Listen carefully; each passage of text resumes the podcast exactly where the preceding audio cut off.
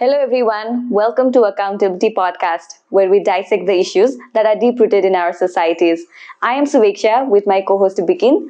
अनि आज चाहिँ हामी नयाँ सिरिज सुरु गरिरहेका छौँ होइन त बिकिन Yep, that's right. We're starting the new Defending Democracy series. Yes, Matthew, we'll have a total of four episodes where we invite guests to talk about Nepal's governance systems, foreign affairs, any misinformation around politics, just a lot of interesting stuff. So I hope you guys won't miss out.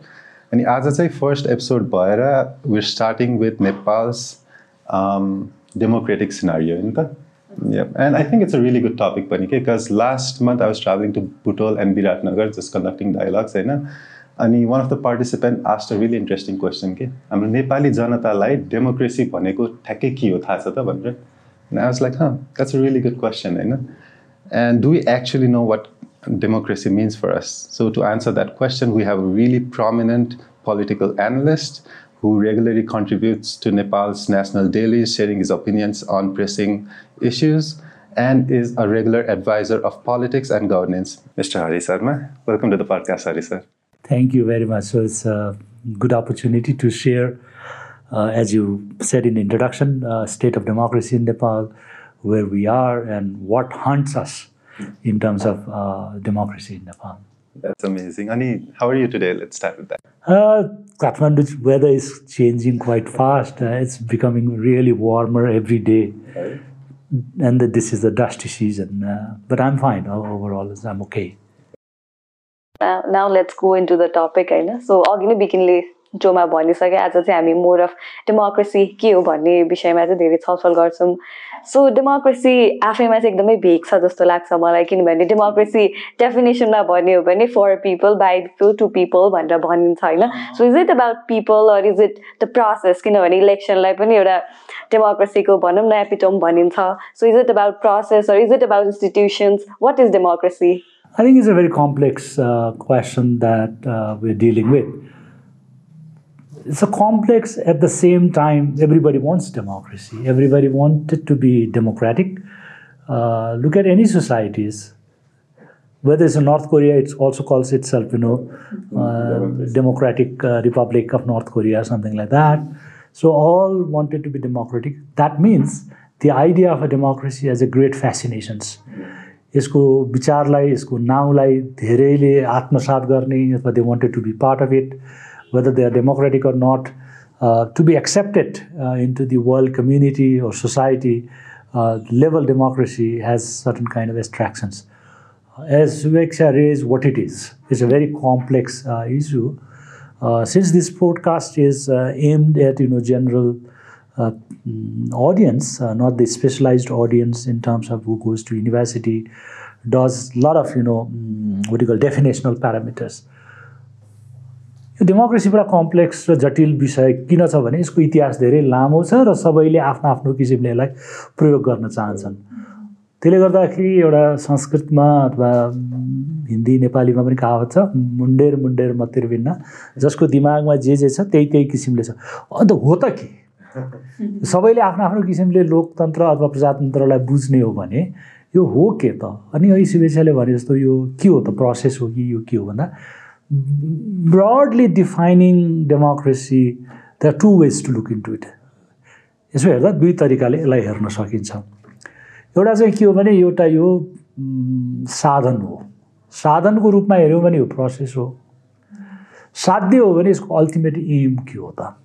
यो साधन र साध्य दुइटैलाई जोड्ने मेरो विचारमा डेमोक्रेसीको fundamental character अथवा चरित्र अथवा यसको आधार भाव के हो भने डेमोक्रेसीको आधार प्रस्थान बिन्दु सुरु गर्ने starting point it idea of equality for example if you take a process, democracy as a process. An instrument of democracy is realized through in our time, which is very flawed of late because I'm thinking that way. मैले सोचिरहेको छु यो के होला भनेर इलेक्सनलाई लिउँ न होइन कुनै मुलुक लोकतान्त्रिक हो वा प्रजातान्त्रिक हो होइन भन्नको निम्ति त्यहाँ जनताले स्वेच्छाले अ, आफ्नो प्रतिनिधिहरू निर्वाचन गर्न पाउँछन् कि पाउँदैनन् भन्ने प्रश्न गर्ने बित्तिकै प्रोसेस हो। तर डेमोक्रेसीले हामीले के देखाएको छौँ भने त्यो प्रोसेसले अप्ठ्यारो अप्ठ्यारो मान्छे अप्ठ्यारो अप्ठ्यारो पोलिटिकल सिचुएसन क्रिएट गरेको पनि देख्छौँ। तर fundamental heart of the election is a equality all vote that is casted सबै भोटहरू त्यो बाकसभित्र खसिसकेपछि बराबर हुन्छ भन्छ। होइन? भन्दा इक्वालिटीको प्रिन्सिपल डेमोक्रेसीबाट रियलाइज हुन्छ कि हुँदैन प्रोसेसको रूपमा? हामीले देखाएको छौँ कि निर्वाचनबाट बडा चाहिँ असमानताहरू धेरै कुराहरू निक्लेको छ। तर त्यसको प्रस्थान बिन्दुको रूपमा के छ भने समानता रहेको छ। यसकारण समानतालाई कसरी हेर्ने इक्वालिटीलाई कसरी हेर्ने equality of opportunity equality of representation equality of voice यो सबै कुरालाई हेर्दाखेरि मेरो विचारमा चाहे त्यो साध्य भन्नुहोस् या तपाईँको साधन भन्नुहोस् चाहे त्यो प्रोसेस भन्नुहोस् या अल्टिमेट एम भन्नुहोस् डेमोक्रेसीको हार्टमा त्यसको गर्भगृहमा समानताको भाव रहेको हुन्छ। जुन समाजमा समानता छैन जतिसुकै प्रोसिजरल इलिमेन्ट गरे पनि अल्टिमेटली त्यसले रिजल्ट गर्न सक्दैन। यसमा एउटा this is really interesting democracy for all democracy for everyone त्यही नै हो. हुनुपर्ने इक्वालिटीको कुरा आयो होइन? बट यसमा च्यालेन्ज हेर्दाखेरि चाहिँ कस्तो हुन्छ डेमोक्रेसी सबैजनाको लागि भन्दा पनि democracy is for the majority जस्तो देखेको छ कि जस्तो च्यालेन्ज देखियो। नेपालमा मात्र होइन इन्टरनेसनल कम्युनिटिजमा पनि त्यही नै च्यालेन्ज चाहिँ देखिन्छ जस्तो लाग्छ। लाइक भोट गरेर अभियसली भोटिङ फेजमा पनि पार्टिसिपेसनमा त सबैजनाले इक्वली गरिहाल्यो। भोटिङ बरु इक्वल हुनसक्छ। होइन किनभने त्यहाँ भोटिङको रिजल्ट चाहिँ इक्वल त्यो हुनसक्छ। पार्टिसिपेसन इक्वल छैन। जस्तो फर इक्जाम्पल वुमेनको इक्वालिटीको यत्रो वर्ष भइसक्दा पनि वुमेनको भोटिङ रिसेन्ट फेनामना हो। होइन। दलितको भोटिङ रिसेन्ट फेनामोन होइन? इकोनोमिकली डिसएडभान्टेज कम्युनिटीहरू अब गर्दा गर्दै त हेर्नु न भोटको लागि सबै बराबर छ सबै नागरिक हो भन्दा भन्दै पनि एक्सेसिबिलिटी भएन भने अथवा जानलाई त्यहाँ सजिलो भएन भने डिसेबलहरूले कसरी भोट हाल्छन् त? भन्दाखेरि operationalisation of democracy itself is a problematic त्यही भएर मैले अघि सुरुमा यहाँहरूलाई के भने भने कि यो जीवन पद्धति पनि हो दृष्टिकोण पनि हो अर्कालाई हेर्ने दृष्टिकोण पनि हो बराबर छौँ भनेर ओठे भक्ति गरेर लिप सर्भिस गरेर मात्रै डेमोक्रेसी हुँदैन रहेछ। प्रक्रिया छ भनेर कागजमा मात्रै भनेर भइन्छ त्यही भएर अघिको तिनवटा सिक्वेन्समा साध्य साधनको कुरा गर्दा गर्दै मैले जीवन पद्धति किन भने you have to internalise the democratic ideals and values त्यही भएर जतिसुकै प्रक्रियाको कुरा गरे पनि पहिला भ्यालुमा क्लियर हुनु पऱ्यो कस्तो किसिमको समाज हामीले खोजेको हो? समतामूलक न्यायपूर्ण होइन बराबरीको समाज खोजेकोमा त्यसमा कन्भिन्स हुनु पऱ्यो अनौठो तपाईँले के भन्नुभयो भने अहिले यो साधन र साध्य साधनको विषय साध्यको विषयलाई पर राखेर अल्टिमेट भ्यालुको कुरालाई पर राखेर लोकतान्त्रिक प्रक्रिया भनिएबाट चाहिँ पावरलाई हत्याउने होइन शक्तिलाई आफ्नो अनुकूल बनाउने जुनै पनि कस्टमा चुनाव जित्नुपर्छ भन्ने हो अहिले अहिले नेपालको अहिले चुनाव आउँदैछ यो गठबन्धन चाहिन्छ चाहिँदैन दस्तरी कुराहरू उठिरहेको छ। के भने के का लागि चुनाव गर्ने जनतालाई सेवा सुविधा छैन अहिले चुनाव जित्नै पर्छ भन्ने जुन किसिमको मनस्थितिबाट अहिलेको राजनैतिक डिस्कोर्स चलिरहेछ यसले साँच्चै लोकतन्त्र अथवा प्रजातन्त्र अथवा डेमोक्रेसी हाम्रो वे अफ लाइफ हो भन्ने कुरामा क्वेसन उठेको छ। र तपाईँले भन्नुभयो कि यसबाट चाहिँ निर्वाचनको आउटकमलाई कसरी हेर्ने भन्दाखेरि चाहिँ एउटा डेफिनेसन छ। त्यो फेरि जीवन पद्धति र भ्यालुसँग जोडिन्छ। डेमोक्रेसी इज इन्स्टिट्युसनलाइजिङ अनसर्टेन्टी त्यो अनसर्टेन्टी भनेको के हो भने आउटकमको uncertainty you participate in the process equal त्यो भयो भने के हुन्छ भने हार्ने र जित्नेको बिचमा मेरो फेरि पालो आउँछ। फुटबलमा गेम खेले जस्तो। सधैँ हारिरह्यो भने त त्यो किन खेल्न आउँछ त होइन? सधैँभरि माइनोरिटी भयो भने त्यो त्यो मान्छे त्यो त्यो ग्रुप समूह त फेरि पार्टिसिपेट गर्दैन। So democracy is also like a game people play to satisfy each others aspirations and need हो यो पटक भएर अर्को पटक पालो आउँछ। त्यही भएर अहिले यसो इन्डियातिर हेर्दा बाहिरतिर हेर्दाखेरि हामीले एउटा सुनेको चाहिँ कन्सेप्ट नोसन के छ भने मेजोरिटेरियन डेमोक्रेसी भोट हालेर हो भोट हालिसकेपछि हार जित हुन्छ। जित्नेले सर्टन नम्बर सङ्ख्यामा त्यसले पाउँछ धेरै होइन? अब त्यो जातको आधारमा पाउन सक्छ त्यसले धर्मका आधारमा पाउन सक्छ क्षेत्रका आधारमा पाउन सक्छ कुनै कारणले नम्बर पाउँछ र त्यो प्रोसेसमा त्यो विनर हुन्छ। लुजर भन् डेमोक्रेसीमा लुजर हुन्छ कि हुँदैन भन्ने कुरा छ। चुनावमा लुजर हुन्छ। डेमोक्रेसीमा लुजर हुन्छ कि हुँदैन भने आजभोलि आफैलाई प्रश्न गर्न छ किनभने आफ्नो अध्ययन अनुसन्धानमा लुजर हो भने त त्यो लुजरले फेरि जित्न सक्ने सम्भावनामा कसरी इङ्गेज हुन्छ त? होइन? किनभने अपोजिसन पनि चाहियो। अपोजिसन मात्रै होइन। अपोजिसन भन्ने त फर्मल सेन्समा हो। तर सबै कुरोमा कोही जस्तो फर इक्जाम्पल दुईजना क्यान्डिडेट उठे दुईजना पार्टीको मान्छेहरू। म भोट हाल्न गएँ। मैले भोट हालेको मान्छे अथवा पार्टीले हार्यो। होइन? त्यो जितेकोले मलाई पनि रिप्रेजेन्ट गर्छ भन्ने मान्यता हुन्छ डेमोक्रेसीमा किनभने पब्लिक पोलिसीमा त त्यसले म्याटर गर्छ पार्लियामेन्टमा अथवा कहीँ त। यसमा चाहिँ जस्तो अघि मेजोरिटीको पनि कुरा भयो होइन डेमोक्रेसी इज अबाउट मेजोरिटी भनेर। तर अहिले चाहिँ अब नेपालमा पनि इभन बाहिर पनि हामीले हेर्छौँ भने चाहिँ मेजोरिटी नै समवेयर चाहिँ थ्रेट बनिरहेको हो कि डेमोक्रेसीमा भने जस्तो देखिन्छ। अब रि रिसेन्टली इन्डियाको इक्जाम्पल सरले भर्खर इन्डियाको कुरा गर्नुभएको थियो। इन्डियामा पनि मेजोरिटी गभर्मेन्ट छ तर त्यहाँको अहिले इज इट अ डेमोक्रेसी भन्ने क्वेसन भइरहेछ त्यहाँको हिन्दुत्व मुभमेन्ट एन्ड अल त्यसै गरी हामीले अब अरू कन्ट्रिजहरूमा पनि हेर्न सक्छौँ। सो यो मेजोरिटी र डेमोक्रेसीको पनि अलिकति सरले भने भन्नु त्यही भने कहीँ न कहीँ नीतिगत निर्णयहरूको लिनको निम्ति हामीलाई एउटा प्रक्रिया चाहियो होइन? बहुसङ्ख्यकले के चाहन्छन् भन्नको निम्ति त्यही भएर कहिलेकाहीँ एरिस्टोटल के भन्छन् भने डेमोक्रेसी भनेको मबोक्रेसी पनि हो भन्छ भिडतन्त्र पनि हो भनेर भन्छ हो। त्यो अहिलेको मात्रै चुनौती होइन होइन? डेमोक्रेसी फेरि लिडरसिपले मात्रै सानो ग्रुपले मात्रै चलाउने हो भने डेमोक्रेसीको फाउन्डेसन्सहरू चाहिँ एरिस्टोक्रेटिक पनि छ भन्छ सानो ग्रुपले चलाउँछ। अमेरिकामा चाहिँ तपाईँको पार्टी बसेसहरूले चलाउँछ होइन ककसले चलाउँछ यो कुराहरू थुप्रो कुराहरू चलिरहेछ। तर के हो भने हाम्रो विशिष्ट सन्दर्भमा अहिलेको समयमा डेमोक्रेसीलाई हेर्ने चाहिँ विभिन्न उहरू छ। त्यसको निम्ति चाहिँ के हो भने एउटा खुला रूपमा हाम्रो समयको चुनौती के हो हाम्रो प्रक्रिया हामीले जुन अँगालेका छौँ त्यो चुनौती के हो यो कसरी अगाडि इभल्भ हुनसक्छ यो कसरी सबैलाई समेटेर लिएर जान सक्ने हुन्छ भन्ने चिन्ता गर्न जरुरी छ। तर के भयो भने unfortunately my own country and the reason चाहिँ डेमोक्रेसी चाहिँ पावरलाई क्याप्चर गर्ने एउटा इन्स्ट्रुमेन्ट हो। अरू सबै जहाँसुकै जाओस् भन्ने किसिमको चाहिँ एउटा टेन्डेन्सी डेभलप भएको छ। त्यही भएर इलेक्सन इज न is getting consent of people to rule on a majority values हो। या election by any way is to control and capture the power हो। होइन हिटलर पनि तपाईँको संसदलाई कब्जा गरेरै आएका थिए। हो हेड्रोगान पनि अहिले हङ्गेरीमा त्यही गरिरहेछन्। के अरे टर्कीमा। हामीले हङ्गेरीमा पनि त्यही देखिरहेको छौँ। भारतमा पनि अब अपोजिसन भन्ने नै देखिएको छैन। नेपालमा पनि अहिले गठबन्धन र नगठबन्धन यो सारा तनाव के हो भने जुनैसुकै हालतमा पनि चुनाव जित्नै पर्छ भन्ने हो। चुनाव लोकतन्त्रको अथवा प्रजातन्त्रको जीवनमा एउटा आउने पाँच वर्षमा आउने एउटा अपर्च्युनिटी हो। जनताले पनि के छुट्याउनु पऱ्यो भने यो चाहिँ एउटा रिप्रेजेन्टेटिभ इन्स्टिट्युसन अथवा प्रतिनिधित्वमूलक संस्था निर्माण गर्ने हो। प्रतिनिधित्वमूलक संस्थामा मेरो सहभागिता कसरी हुन्छ? मैले प्रतिनिधित्व गरेर पठाएको मान्छे मेरै माथि मालिक हुने हो या त्यसले मेरा बारेमा चर्चा छलफल गर्दा म कहाँ फर्केर आएर सोध्ने हो? हजुर त्यही डेमोक्रेसीको नारा त लगाइराख्यो अनि च्यालेन्ज चाहिँ अर्को अहिले के देखिन्छ भने पिपलहरूले यो डेमोक्रेसी जति पनि अब चाहिन्छ भनेर भनिसक्दा पनि when they choose their leaders, they're still अब अलि डेमोक्रेसी त्यस्तो डेमोक्रेटिक लिडरहरू होइन जस्तो लाग्ने कि दे स्टिल वान डेमोक्रेसी होइन? डेमोक्रेटिक भ्यालुजहरू चाहिन्छ भनेर नै भन्छ पिपलहरूले नै।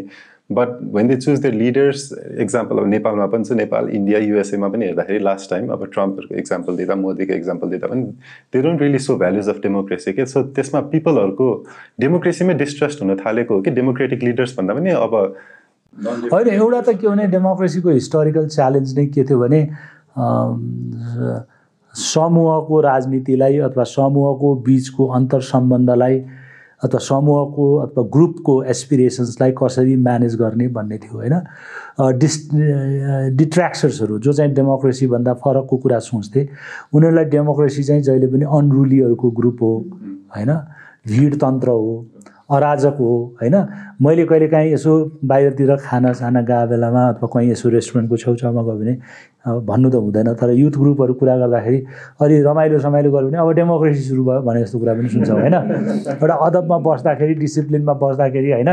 अथवा यो डेमोक्रेसीमा बोल्न पाइन्छ भन्न पाइन्छ होइन? भन्ने एउटा सो लोकतन्त्रलाई अथवा प्रजातन्त्रलाई डेमोक्रेसीलाई स्वतन्त्रतासँग होइन? स्वच्छन्दतासँग एनार्किकसँग अथवा ललेसनेससँग जोड्ने पनि हाम्रो त्यो त्यो कल्चरल भ्यालु अब यहाँनिर चाहिँ के छ भने तपाईँहरू दुईजनालाई एउटा कुरा ल्याउन चाहन्छु। यो कसको जिम्मेवारी हो त? होइन? अब हामीले अहिलेसम्म कल्पना गरेको लोकतन्त्रमा अथवा प्रजातन्त्रमा in democracy we cannot imagine so far till the state democracy without political party किनभने डेमोक्रेसी भनेको चोइस हो भनेर भन्यो भने अघि पनि होइन? चयनको कुरा हो। नेपालको सन्दर्भमा political party let's come near to home नेपालको सन्दर्भमा नेपाल पोलिटिकल पार्टिजहरूको रोल चाहिँ के थियो भने इमेन्सिपेटरी लिबरेसनको लागि स्वतन्त्रताको लागि समाजको एउटा जुन विकास क्रममा थियो त्यसलाई आधुनिकताको पक्षमा लिएर जानको निम्ति। किनभने very idea of equality is a very new to us human एसपिरेसनमा कता कता हामी बराबर हुनुपर्छ सबैको काट्यो भने रगत रातै आउँछ भन्दा भन्दै पनि हाम्रो सोसाइटी चाहिँ फ्युडल सोसाइटी त हो नि त। होइन? त्यसले गर्दाखेरि नेपाली पोलिटिकल पार्टिजहरू हिस्टोरिकल जुन टाइममा इमर्ज गरे उनीहरूको सबैभन्दा ठुलो रेस्पोन्सिबिलिटी के थियो भने यो भ्यालुजहरूलाई इन्कल्केट गरेर सोसाइटल ट्रान्सफर्मेसनमा काम गर्नुपर्ने थियो। पावरको लागि बन्ने भन्ने हुँदाहुँदै पनि होइन? पिपललाई चोइस दिने इडियोलोजिकल चोइसेसहरू सिद्धान्तका आधारमा व्यवहारका आधारमा चोइस दिने कुरा हुँदाहुँदै पनि पोलिटिकल पार्टिजको रोलहरू चाहिँ ट्रान्सफर्मेटरी थियो। होइन त्यही भएर सात साल ताक को पार्टीहरू क्रान्तिको समयमा अन्यथा नलागोस्। नेपाली कङ्ग्रेसलाई हेर्नुभयो भने यसको कम्प्लिट रिभोल्युसनरी एजेन्डाहरू थियो। होइन तपाईँको जातभातको विरुद्धमा अनि त्यसपछि तपाईँको ल्यान्डको सम्बन्धमा नेचुरल रिसोर्सको सम्बन्धमा त्यसको लिडर्सहरूको राइटिङ त्यो बेलाको लिडर्सहरू स्पेसली बिपी कोइरालाको राइटिङ्सहरू हेर्नुभयो भने त्यो देख्नुहुन्छ। तर स्लोली अहिलेको समयमा आउँदा उहाँकै पार्टी पनि खालि यो निर्वाचनको लागि मात्रै बनेको हो कि भन्ने कुरा चाहिँ हामीलाई लाग्न थालिसक्यो। होइन some one was seen both generations थ थ्री जेनेरेसन भन्दा नेपालको पोलिटिकल पार्टिजहरू संसारमा जहीँ पनि पोलिटिकल पार्टिजहरू त्यो बेलाको तात्कालिक समयमा जनतालाई आवाज दिनलाई आएको हुन्छन्। अनि त्यो आवाज दिइसकेपछि उनीहरूको रोल त्यहीँ सिद्धिन्छ कि भन्दाखेरि मोडर्न टाइम्समा डेमोक्रेसीको के अरे पोलिटिकल पार्टिजहरूको रोल चाहिँ पब्लिक पोलिसीमा चोइस दिनको निम्ति अल्टरनेटिभ फ्रेमिङ गर्नको निम्ति होइन? त्यो त्यो लागि आउँदो रहेछन्। तर अब हामी चाहिँ यस्तो खालको संसारमा प्रवेश गरिरहेछौँ कि जहाँ चाहिँ सैद्धान्तिक अथवा विचारको विभिन्नता त्यति महत्त्व राख्छ कि राख्दैन। होइन? जुनसुकै आए पनि त्यही किसिमको व्यवहारका मान्छेहरू हुन्छन् कि भन्दाखेरि स्लोली चोइसलेस डेमोक्रेसीको सन्दर्भ के अरे स्थितिमा पो पुगेछौँ कि क्या हो? देयर इज नो अल्टरनेटिभ वालामा पुगेछौँ कि भन्ने कता कता ममा त्यो एउटा पेसिमिस्टिक थिङ्किङ आएको छ। यसलाई सबैले डिसइम्पावर गर्दै गर्दै कमजोर बनाएर के भन्छ किम कर्तव्य विगुण अब यस्तै छ परिस्थिति जो आए पनि त्यस्तै। भन्यो भने भोलिपल्ट बिहान झल्याङ्ग उठेर हेर्दाखेरि मेरो निम्ति को बोलिदिन्छ? म एक्लै बोल्ने हो कि कलेक्टिभमा बोल्ने हो? म कहाँ जाने हो? होइन? एरिस्टोटल या बुद्धको जमानादेखि नै हामी त सोसल एनिमल हो नि त। We need how to realise our collective aspiration त्यो मानेमा पनि डेमोक्रेसीको भ्यालु चाहिँ मैले देख्छु। सो त्यही त अब सरले भन्नुभएको जस्तै आई थिङ्क पिपलको चाहिँ एकदमै इम्पोर्टेन्ट रोल हुन्छ डेमोक्रेसीमा अनि कतै न कतै अहिले चाहिँ पिपलले नै चाहिँ आफ्नो रोल के हो भन्ने नबुझेको कारणले चाहिँ भनौँ न यस्तो स्टेबिलिटी खोज्ने चक्करमा चाहिँ अलिकति मोर अथोरिटेरियन उहरूलाई इलेक्ट गरिरहेको कि जस्तो पनि देखिन्छ because they don't know their role होइन? अब चाहिँ मेबी हामी त्यो रोल भन्दा पनि we are all guided by our own aspirations immediate gains अनि हामी सबै लोभी पापी हो। मनमा सबैको मनमा एउटा एउटा छुचुन्द्रो बस्या हुन्छ है। We all are guided by self motivations other thing एउटा कुरा चाहिँ के हो भने it's a basically it's not my word and phrase Samuel Huntington when he wrote the third wave of democracy he said that in new democracies or those who are entering into democracy after the fall of various authoritarian regime there's a, always a group and people who are with the authoritarian nostalgia. Means past is always beautiful for them. History is great. Uh, it's been much better than now because they, are, they, they may be coming from a group who lose something in the democratic struggle in new dispensation. It may be because the new group could not understand the complexities and dynamics of politics because they were romantics, romantic revolutionaries. So there are various ways to look into the dissatisfaction within the democracy. Um, there was a there was a study long back called Trilateral uh, Studies on Democracy in in developed um, or established democracies, यो Japan Europe र चाहिँ अमेरिकाकोमा एउटा interesting छ there is a democracy fatigue in the developing countries also because for example I was in a in US for my graduate studies म बसेको काउन्टीमा यो डग कन्ट्रोलदेखि लिएर एनिमल कन्ट्रोलदेखि लिएर पच्चिसवटा कि छब्बिसवटा पोजिसनमा इलेक्सन हुन्थ्यो। By the time they reach to the national election they is a kind of fatigue यो त मेरो नेसनल कन्सर्न नै होइन भने जस्तो हुन्थ्यो। Sometime now people think that they is a democratic fatigue also in many developing countries because they have opportunities to express their collective way of doing things in a various associational life त्यही भएर tension छ। यदि धेरै associational life भयो भने national politics of parties त्यही भएर अमेरिकामा पहिला पहिला भोटिङ कम्ती हुन्थ्यो नि त होइन? डेभलप एडभान्स कन्ट्रिजहरूमा भोटिङ रेट कम छ हामी कहाँ बढी छ?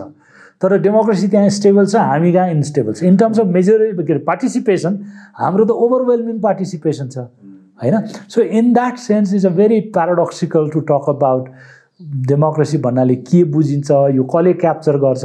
त्यही भएर मैले यो होल डिबेटलाई कन्क्लुड गर्न चाहिँ के भन्न चाहन्छु भने the a role of a civil society role of a enlighten group role of a social movement to not only work on a process ultimate aim of democracy, but linking participatory and representative framework of democracy to keep alive uh, democratic spirit. Otherwise, it will be hijacked by those who thinks that the people. It's very easy to play on dissatisfaction.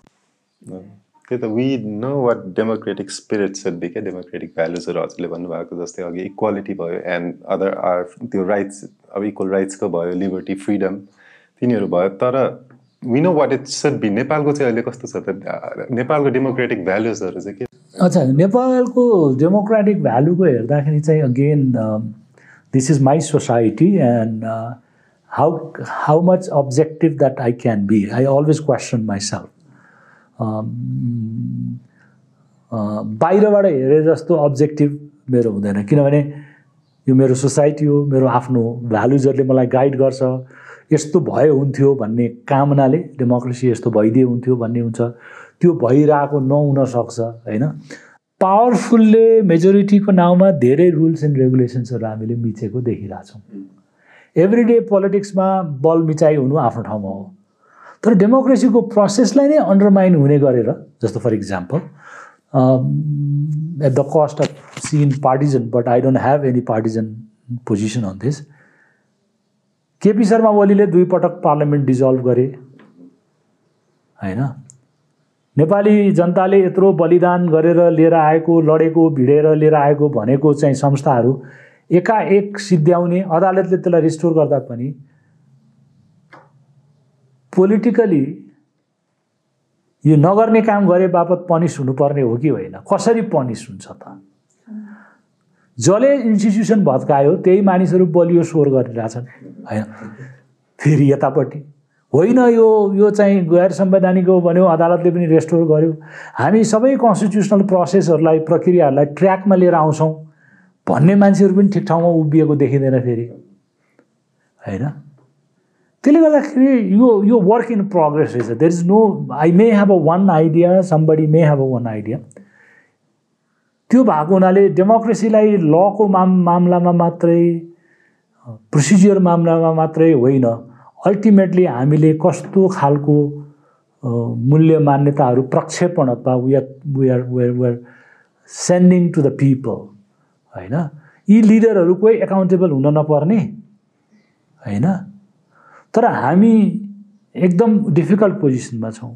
त्यही भएर अहिलेको डेमोक्रेसीको नेपालको सम्बन्धको चुनौती के हो भने नेपालको डेमोक्रेसी डेमोक्रेटिक लिडरसिप पोलिटिकल लिडरसिपहरूमा कस्तो किसिमको मोरल डिलेमा छ उनीहरूले संसारलाई कसरी हेर्छन् आफूलाई कसरी हेर्छन् त्यो चाहिँ देख्न र सुन्न पाइएको छैन होइन? मलाई कुनै मौका मिल्यो भने यस्तो खालको कन्भर्सेसन गरौँला भन्ने त छ होइन? त्यो मैले उठाएको किन हो भने के का लागि सार्वजनिक जीवन हो त? के का लागि हामी मानिसलाई कलेक्टिभ ठाउँमा जम्मा गर्छौँ?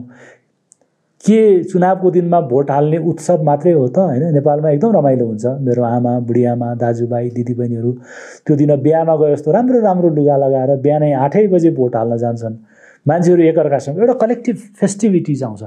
तर त्यसको अल्टिमेट प्रयोजन भोलि त्यही मान्छेलाई गाली गर्नुपर्ने कोस्नुपर्ने गरेन भन्नुपर्ने होइन? भोट हाल्ने मान्छेले पनि मैले त्यसलाई किन हालेछु भनेर विचार गर्न नपर्ने पाएर गएको मान्छेले पनि मैले यसलाई गरेँ गर्न सकेँ सकिनँ भन्नु नपर्ने होइन? यो के खालको विडम्बनामा हामी परेछौँ? तर के छ भने प्रक्रियाको रूपमा हामीसँग तुरुन्तै अल्टरनेटिभ छैन। म जस्तो मान्छेहरू जो पोलिटिकलमा पोलिटिकल लाइफमा पनि इन्भल्भ भए सबैभन्दा ठुलो चुनौती के हो भने डेमोक्रेसीको क्रिटिक गर्न जरुरी छ डेमोक्रेसीलाई सुधार्न जरुरी किन मायाले गर्ने हो नि त? तर गर्दा गर्दै कहिलेकाहीँ यसलाई हामीले फ्याँक्ने स्थितिमा पो जान्छौँ कि? यसप्रति चाहिँ नकारात्मक भाव पो बढी ल्याउँछौँ कि? त्यो मोरल डिलेमा चाहिँ मसँग छ र एउटा इक्जाम्पल दिन्छु। राजा ज्ञानेन्द्रले टु थाउजन्ड सिक्समा लिँदाखेरि कुचिङ खाइस भन्ने धेरै मान्छेहरू थिए। त्यसले प्रब्लम सल्भ गरेन। उसले इन्टरनेट काट्न थाल्यो। उसको सर्वसत्तावादी अथोरिटेरियन आकाङ्क्षाहरू बढेर गयो। त्यसको भुक्तभोगी त हामी यो जेनेरेसन छौँ। तर नेपालको सन्दर्भमा लोकतन्त्रलाई हेर्ने सन्दर्भमा चाहिँ दुई हजार छ सातको जनआन्दोलन त्यसको स्पिरिट भन्ने कुरा पनि अब बिस वर्ष पुगिसक्यो। यस कारण पोलिटिकल पार्टी डेमोक्रेसीको कुरा गर्ने सिभिक सोसाइटी अर्गनाइजेसन्सहरूले अबको बिस वर्षमा नेपालको डेमोक्रेसीको गन्तव्य के हुन्छ नयाँ जेनेरेसनको नयाँ वर्गको युवाहरूको चाहिँ एसपिरेसनल भ्यालु के हुन्छ त्यसमा काम गर्नुपर्ने हुन्छ। अबको ट्रान्सफर्मेसन पोलिटिकल पार्टिजहरूको एजेन्डा सिभिल सोसाइटीको एजेन्डा भनेको के भने फरवर्ड लुकिङ हुने हो। म जस्तो मान्छेलाई तपाईँहरूले बोल्न बोलाउनु भयो म अझै पनि पन्ध्र साल सात साल अट्ठाइस साल बत्तिस साल छत्तिस साल गर्दा गर्दै अलि पछिल्लो समय भनेको दुई हजार छको चाहिँ म अड्केको छु तर समाज धेरै अगाडि बढिसकेको छ। मैले कल्पना गरेको डेमोक्रेसी चाहिँ डिसफिगर भइसकेको छ।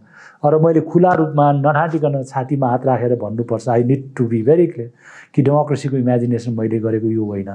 अब भाइ बहिनीहरू अथवा नयाँ जेनेरेसन्सहरू होइन जुन सेन्सिटिभिटिजको जुन डाइभर्सिटीको सेन्सिटिभ डाइभर्स सेन्सि सेन्स एन्ड सेन्सिटिभिटिजको रूपमा होइन युथहरूकोमा वुमेनहरूकोमा इन्डिजिनियस पिपलहरू जो कम्पोजिट कल्चर नेपालको छ त्यसमा उहाँहरूको एसपिरेसन्स के हो?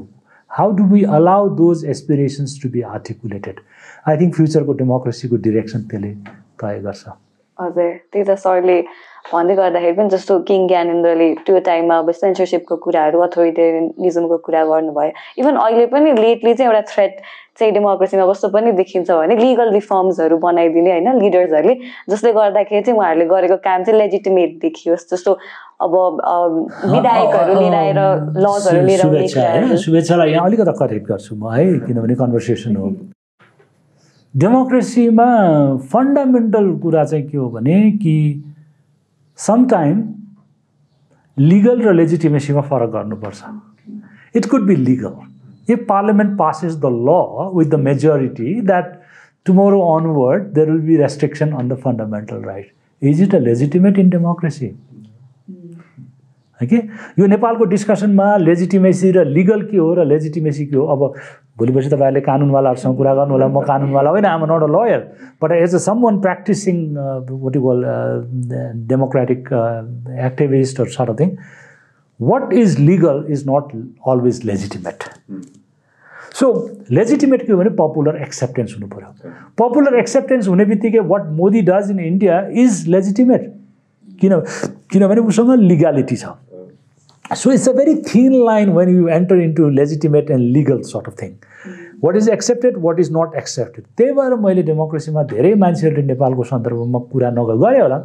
तर मैले आफूलाई त्यसमा चाहिँ अलिकति अगाडि कुरा गर्नुपर्छ भन्ने कुरा यो मोरल डिलेमाको कुरा हो। The purpose what your moral defines is your moral universe defines is what is acceptable what is not acceptable forget about the law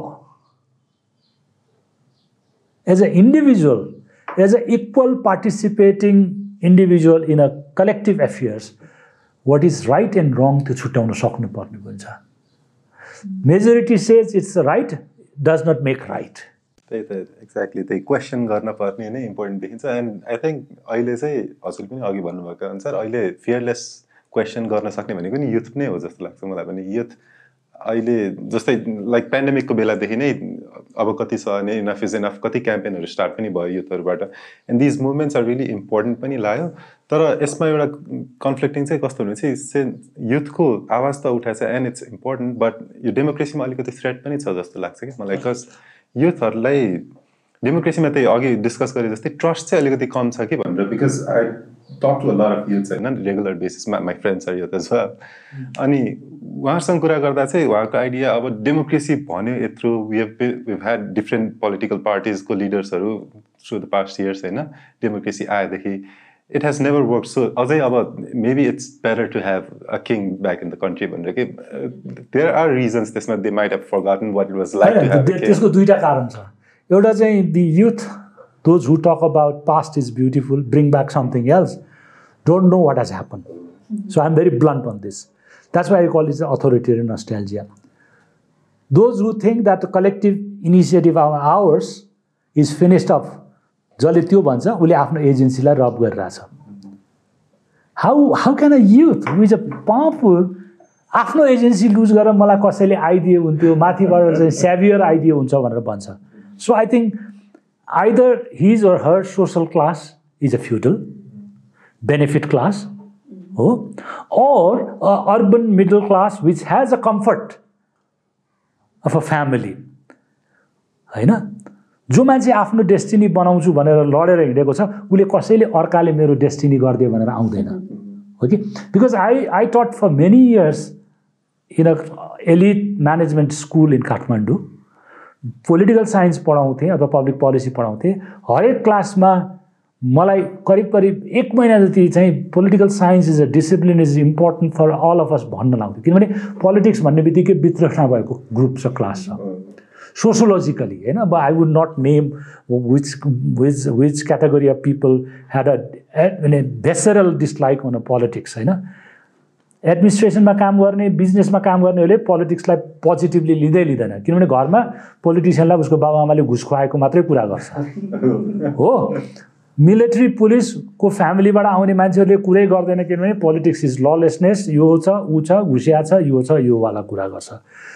पोलिटिक्सप्रति विश्वास गर्ने को हो त भन्दाखेरि अल्टिमेटली नेपालको एलिड सिस्टममा there are very few people who genuinely feel democracy gives me a voice त्यही भएर democracy work in a progress किन हो भन्दा कि यसले मभन्दा फरक मान्छे छ मभन्दा डिफ्रेन्ट मान्छे छ त्यो मान्छे बोल्न सक्दैन यस कारण म बोल्नुपर्छ मैले उसलाई भोइस दिने हो एजेन्सी इम्पोर्टेन्ट हो तर एजेन्सी दिँदा दिँदै उसको एजेन्सी मैले एप्रोप्रिएट गर्न हुँदैन भन्ने हुनु पऱ्यो होइन?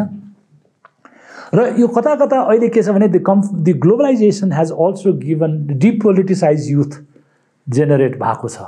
एक्सपिरेसन्स ठुलो छ सुन्दासम्म ठिकै छ गीत सुन्दा रेगे म्युजिक सुन्दा या रक सुन्दा त्यो प्लुरल डाइभर्स कुराहरू सुन्दासम्म ठिकै छ तर आफूलाई पर्ने बेलामा चाहिँ उनीहरूलाई गाह्रो छ। र अर्को कुरा के छ भने सडन नेपालको चाहिँ इकोनोमिक डेभलपमेन्टको एउटा आफ्नै ट्राजेक्ट्रीमा सडन लेभलको चाहिँ डिस्प्यारिटी बढेको छ। त्यही भएर अहिले आर्टिकुलेट बोल्न सक्ने मिडल क्लास छ। मिडल क्लास चाहिँ इनहेरेन्टली राम्रो लिबरल कुरा गर्दा गर्दै पनि स्ट्याटस कोइस्ट हुन्छ। अर्को नेपालको डेमोक्रेसीको क्राइसिसमा के हो भने अस्ति मैले एउटा युथ युथ ग्रुपसँग चाहिँ थिएटरको ग्रुपसँग काम गर्दै थिएँ। भयङ्कर सुरु त गरेँ मैले बोल्दा बोल्दै आफूलाई कटाएँ अनेस्टली पैँसठी त्रिसठीको जनआन्दोलन या धर्मनिरपेक्षता यहाँ उहाँ ब्ला ब्ला भन्दै थिएँ। अनि त्यो कुराहरू बोकेर हिँड्ने एक्टर्सहरू सिम्बल्सहरू त मोस्ट डिस्क्रेडिटेड छ। होइन? I don't mind taking their names because this is accountability question प्रचण्डलाई हेरेर कुन किसिमको फेसिनेसन हुन्छ होइन? तर हिस्टोरिकली हेऱ्यो भने त उसले धेरै मान्छेलाई मर्न मार्न तयार गरेको मान्छे हो नि त होइन? माधव कुमार नेपाललाई हेरेर को फेसिनेट हुन्छ? हो? केपी ओलीलाई हेरेर त तपाईँको सिउडो साइन्सको कुरा बाहेक अरू कुरा आउँदै आउँदैन। शेरबहादुरलाई हेरेर त मैले त चिनेको पनि हो उहाँलाई दाइ नै भन्छु। हि डजन्ट फेसिनेट मी भन्दा मेरो छोरीलाई मेरो यङ जेनेरेसनलाई कसले फेसिनेट गर्छ? त्यही भएर मैले भनेको कि अब सिभिल सोसाइटी हामीले कुरा गर्ने हो भने पास्ट यस्तो थियो भन्नै हुँदैन। किनभने the the past that we inherit which has become the present now does not excite any one of us तर democracy as a long journey it doesn't stop there three hundred thousand इयरको हिस्ट्रीबाट यो develop हुन्छ। इक्वालिटीको अर्ज हामीसँगैसँग छ। Global वर्ल्डमा पनि हामी we don't wanted to be humiliated with our passport travelling all over the world we wanted to treat it equally होइन भन्दा त्यो कहाँ आउँछ त? मेरो कन्ट्रीमा म इक्वल छैन भने बाहिर गएर म इक्वल हुन्छ त? होइन जतिसुकै राजा आऊ भन्ने युथले पनि त्यो हरियो पासपोर्ट लिएर गयो भने जर्मनीमा गयो भने त गाउँबाट गएको र त्यो गएको बराबर फेस गर्छ त त्यसले। हजुर। यसमा चाहिँ भर्खर अब सरले होपको कुरा गरिहाल्नु भयो सो नेपाल चाहिँ अब इट्स अ डाइभर्स कन्ट्री होइन? र जहाँ डाइभर्सिटी हुन्छ कतै न कतै अलिकति डेमोक्रेसी सस्टेन हुनलाई पनि गाह्रो हुनसक्छ। सो त्यो हिसाबमा चाहिँ okay I may be wrong तर मैले भन्न खोजेको कुरा चाहिँ I was trying to hit hint at that. Okay? मैले अलिकति म सोधिहाल्छु जस्तो नेपालको लागि चाहिँ डेमोक्रेसी वर्किङ डेमोक्रेसी चाहिँ नेपालको लागि यसको डाइभर्सिटी हेर्दाखेरि अहिले भर्खर हामी अब सङ्घीयतामा गएको छौँ त्यो हिसाबमा चाहिँ नेपालको लागि डेमोक्रेसी चाहिँ एकदम वर्किङ डेमोक्रेसी कस्तो हुनसक्छ होला think uh, there is a debate. डेमोक्रेसीको निम्ति this is call modernization theory in the literature अलिअलि म पढाउने मान्छे भएको हुनाले पनि नल्याउ नल्याउ भन्दा त्यस्तो कुराहरू आइहाल्छ होइन? तपाईँको सेन्स एन्ड सेन्सिटिभिलिटिज के छ? ना बहिनीको सेन्स एन्ड सेन्सिबिलिटिज के छ? त्यो अनुसार मैले डिल गर्न सक्नु पऱ्यो नि होइन?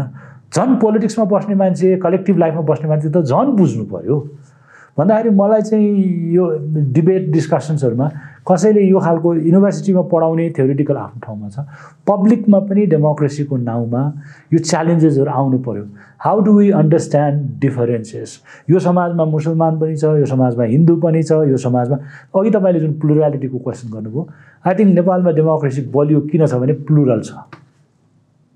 बाई भएको भए त खत्तम हुन्थ्यो। दुइटा मात्रै जात यहाँ भएको भए उत्तर दक्षिण मात्रै भएको भए हिन्दू मुसलमान मात्र भएको त हामी डुबिसक्थ्यौँ। डेमोक्रेसीको कन्डिसन के हो भने diverse condition is our empirical reality त्यो डाइभर्स कन्डिसनलाई बुझ्ने पोलिटिकल फिलोसफी के हो भने प्लुरलिजम हो। You need to differentiate between बहुलवाद and विविधता विविधता कुनै पनि सोसाइटीमा हुन्छ तर त्यसलाई एक्सेप्ट गरेर चाहिँ तपाईँको पोलिसिजको रूपमा फिलोसफीको रूपमा वे अफ लाइफको रूपमा बुझ्नलाई के हुनु भने you have to believe the plural values empirically all अहिले तिन बसेर कुरा गर्छौँ हामी सबै फरक छौँ डाइभर्स छौँ। यो female male tall weak young है? We are all kind of dispensation that's the empirical fact of our life and society हाम्रो कन्ट्रीको डाइभर्सिटी चाहिँ के हो भने इम्पेरिकल रियालिटी हो वस्तुगत। आधार हो त्यसलाई तपाईँ इग्नोर गर्न सक्नुहुन्न। कि इथनिक क्लिन्जिङ गर्नु पऱ्यो कि सफाया गर्नु पऱ्यो कि चाहिँ इडियोलोजिकल ब्रेन वास गर्नु पऱ्यो त्यो सम्भव छैन। तर त्यो छ भनेर मात्रै सेलिब्रेट गरेर पुगेन। त्यसलाई जोड्ने आधार के हो भने कि हामीसँग प्लुरल स्पिरिट हुनु पऱ्यो बहुल हुन्छ विचार बहुल हुन्छ व्यवहार बहुल हुन्छ। त्यो कहाँबाट आउँछ भने तिम्रो इम्पेरिकल रियालिटी तिम्रो वस्तुस्थितिबाट आउँछ। मधेसमा बस्छौ एक किसिमको व्यवहार गर्छौ। गरिब छौ यस किसिमको व्यवहार गर्छौ। तर त्यो एक्सेप्ट गर्ने प्रिन्सिपल के हो भने प्लुरलिजम हो। त्यही भएर डेमोक्रेसीमा यो पनि डिबेट छ। कस्तो किसिमको सोसाइटी भयो भने कस्तो किसिमको चाहिँ रेस रिलेसन अथवा सोसल रिलेसन अथवा इकोनोमिक रिलेसनसिप भयो भने democracy. Democracy black and white भयो भने सम्भव हुन्छ कि हुँदैन प्लुरल भयो भने हुन्छ कि हुँदैन। मिडल क्लास धेरै चाहिन्छ कि त्यही मोडर्नाइजेसनको थ्योरी जस्तो कुरा गरेँ। त्यही भएर अहिले मलाई इन्डियाको एक्सपिरियन्स हेर्दाखेरि जुन किसिमले सम हाउ जतिसुकै भने पनि यत्रो प्रचण्ड बहुमत लिएर आउँदा आउँदै पनि इन्डियन डेमोक्रेसीको बेसिक फेब्रिकमाथि एट्याक गर्ने कोसिस भएको छ नसकेको कारण के हो भने प्लुरल भएर हो डाइभर्स भएर हो होइन? नेपालको सङ्घीयताको सन्दर्भमा प्रश्न उठाउनु भयो नेपालको सङ्घीयताको सबैभन्दा ठुलो विडम्बना के हो भने हिस्टोरिकल हामीले चाहेर होइन बट वी डिफल्ट विथ केन्द्रमा जुन सरकार बन्यो त्यही मानिसहरूको पार्टी तल बन्यो। तल प्लुरल स्पेस र डाइभर्स स्पेस क्रिएट भएको भए फेडरलिजम जस्तो ब्युटिफुल एक्सपेरिमेन्टल सिस्टम कुनै हुने थिएन। अनफर्चुनेटली हामीहरू मेन्टल सेटअप पनि सेन्ट्रलाइज हाम्रो ब्युरोक्रेसी त्यही भएर क्वेसन उठ्छ when do a society and country arrive at the federalist movement हाम्रो फेडरलिजम भनेको क्राफ्टेड फेडरलिजम हो। क्राफ्टेड फेडरलिजमको लागि हाम्रो माइन्डसेट पनि त्यही अनुसार जानुपर्छ। त्यसको इम्पेरिकल कन्डिसन कहाँबाट आउँथ्यो त्यो आएन।